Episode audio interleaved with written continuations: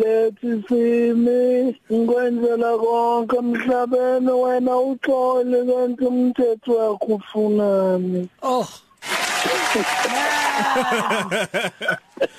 Ikuphi la waqala khona ukukhulumisa kwalolu hlobo? Yipi character kumuphi umdlalo? Ah mina umuntu engahlangana naye eyadini ngangixoxa nje naye ngangishayela iround. But kudala lokho eyadini kusavula ngathi hayi man awuthi ngiyibambe le character. Ngoba umthetho wami ngiphila nama character engisazowadlala ngiphila nabantu.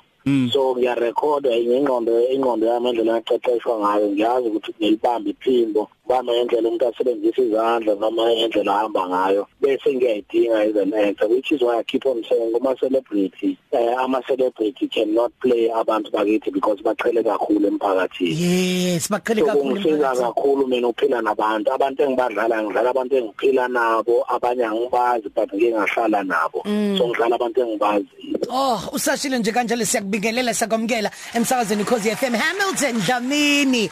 Um, Hello Man, listen, njoba nje usumane wangena kuyona lena le ndaba ukuthi eh ugcila kuyona ungena kuyona khona ngaphakathi ngoba manje njengomlingisi a producer no director bakunika iscript nje wena kuphela. Besho ukuthi bafuna kanje kulomuntu lo. Okunye nokunye ukuthi wena leyo mdlalo noma leyo character we interpreta kanjani ukuthi iSouth Africa yonke ibona kanjani? So sekulalele kuwena. Eh uyazi inkinga esibhekene nayo manje ababhali babhala ngabantu abangabazi. Bese ke babhala nangesingisi. So uthola ukuthi lo muntu labambhalile lapha akaphili umuntu esingamazi because sebenza cut and paste bathatha izitori zaphesheya bayilethe la ekhaya bafuna ukuthi translate siyishintshe siyishintshe zonke lezo zitori but abantu bakithi abaphili ngale ndlela siyabazi siphila nabo. So eh, i-challenge iyayibe enkulu ukuthi uyibuyise nganeno because ne language isingisi esikhulunywa eTV akusona esikhulunywa elokishini so hey it's a biggest challenge but siyazama ngempela ukuthi asiyibuyise i- ibuyele ekhaya. Mina good example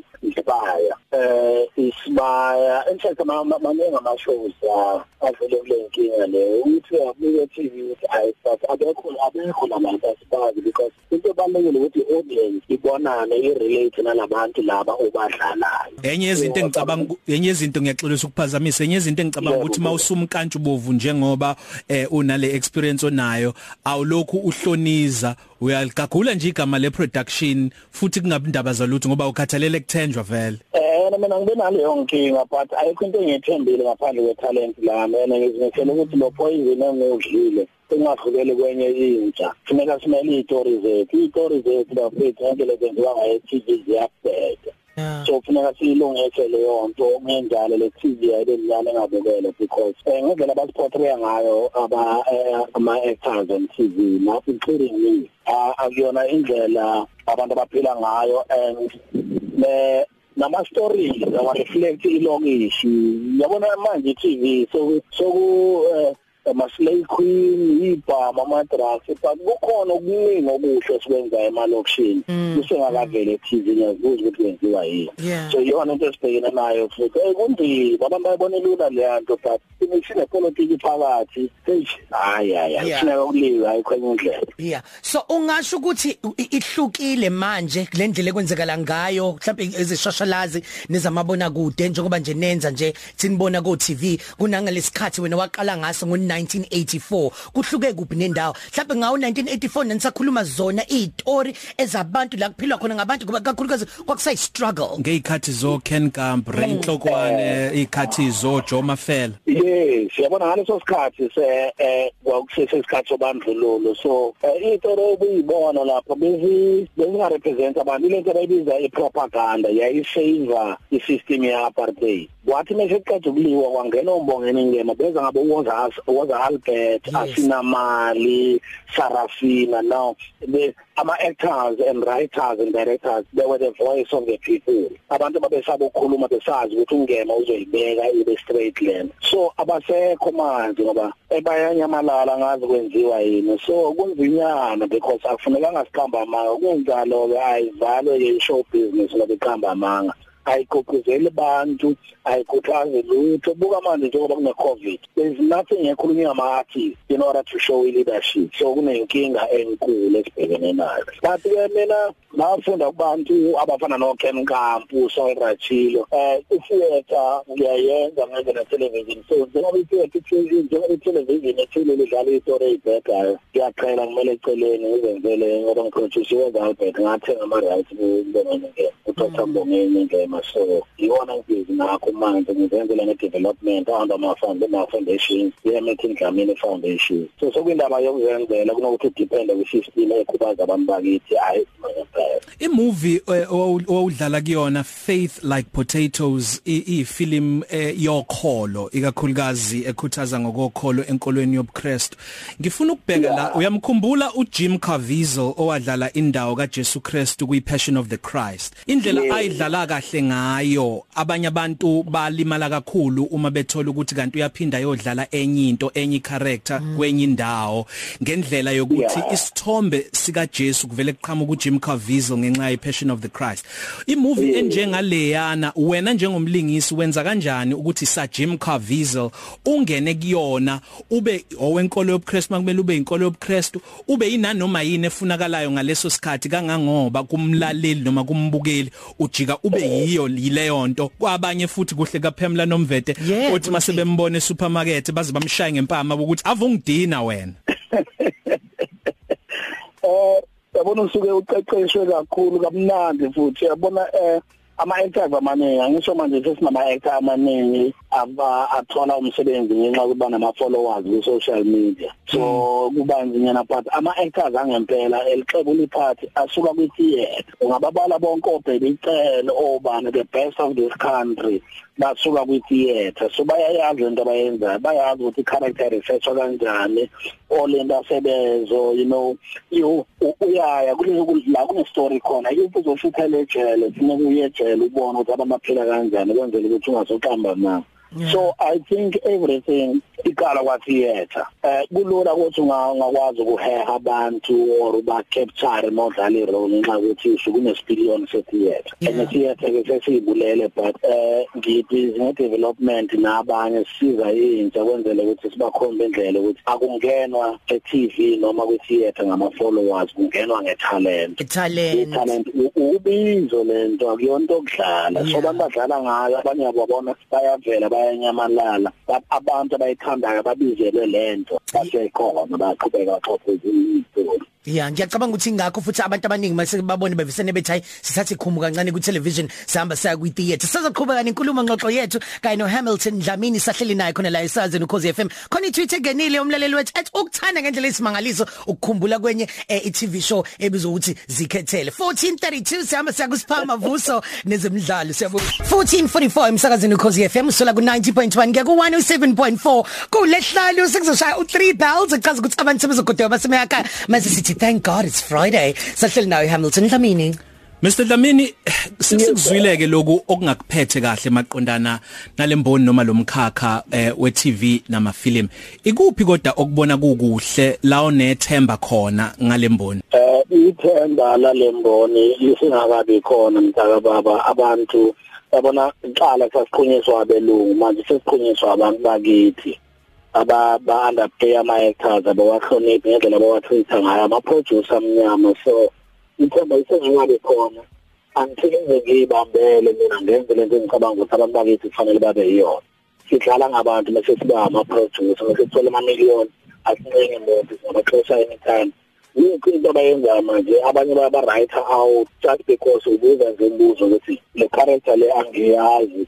Ukuthi ayishiye itshele ucabanga ukuthi wazi kakhulu bakurayitha out ngeke ishona ngestory. So abantu bakithi bona babulala ithemba lisengakabe khona until izinto sigcine sizenzela thina abacabanga ukuthi sifuna ukushintsha le lemboni yefilm indaba ukwenza kanjani ke wena lokhu? Na umbono mhlawumbe ukuthuthukisa amaciko ngabe mhlawumbe khona usuvela usuqalile ukwenza kuzuzisa kanjani? Eh okwamanje ke ngisebenza nganothi Dlamini Foundation. Eh ngiqeqesha abantwana emalokishini emaphandleni and then labo bantwana nginabana abadala emsebe mm ngithatha icontact yabo mengishutha amafilimu ami ngiyibakhaste ngibafake amafilimu akhuluma iqiniso ngathi abantu. So ngiqale last year kusenza kancane but ningathola i-funding. Mhlawumbe noma kubuya phesheya kuphi kuphi ngifuna nje isabalala izwe lonke senze izinto ngendlela efanele senze ngayo because sihlukumeza ama-hectares ethu amnyama esiphasini sakhe especially pigment I'm sure wafunda ngabo kuma-newspaper ngendlela abaphatha ama-hectare ngayo. So ithemba lisingakabi khona siya. Yeah ish. Yeah. Ngazi ukuthi umuntu onobhlungu obukhulu ngoba ngathi uyazi la kumele ngabe sikhona. Sengiyayi sengiyayitshela ke nje ukuthi sengiyayibuza ukuthi lokhu kuthikazisa kanjani phakathi kwakho nabanye abalingisi mhlambe noma abantu okuyibona abaqashanayo abakhastanayo? Eh sesifike la asisancengane khona ngoba siya trader uphethe talent uphethe imali munganginiki lento engiyifunayo khohlwa sengiyanqaba.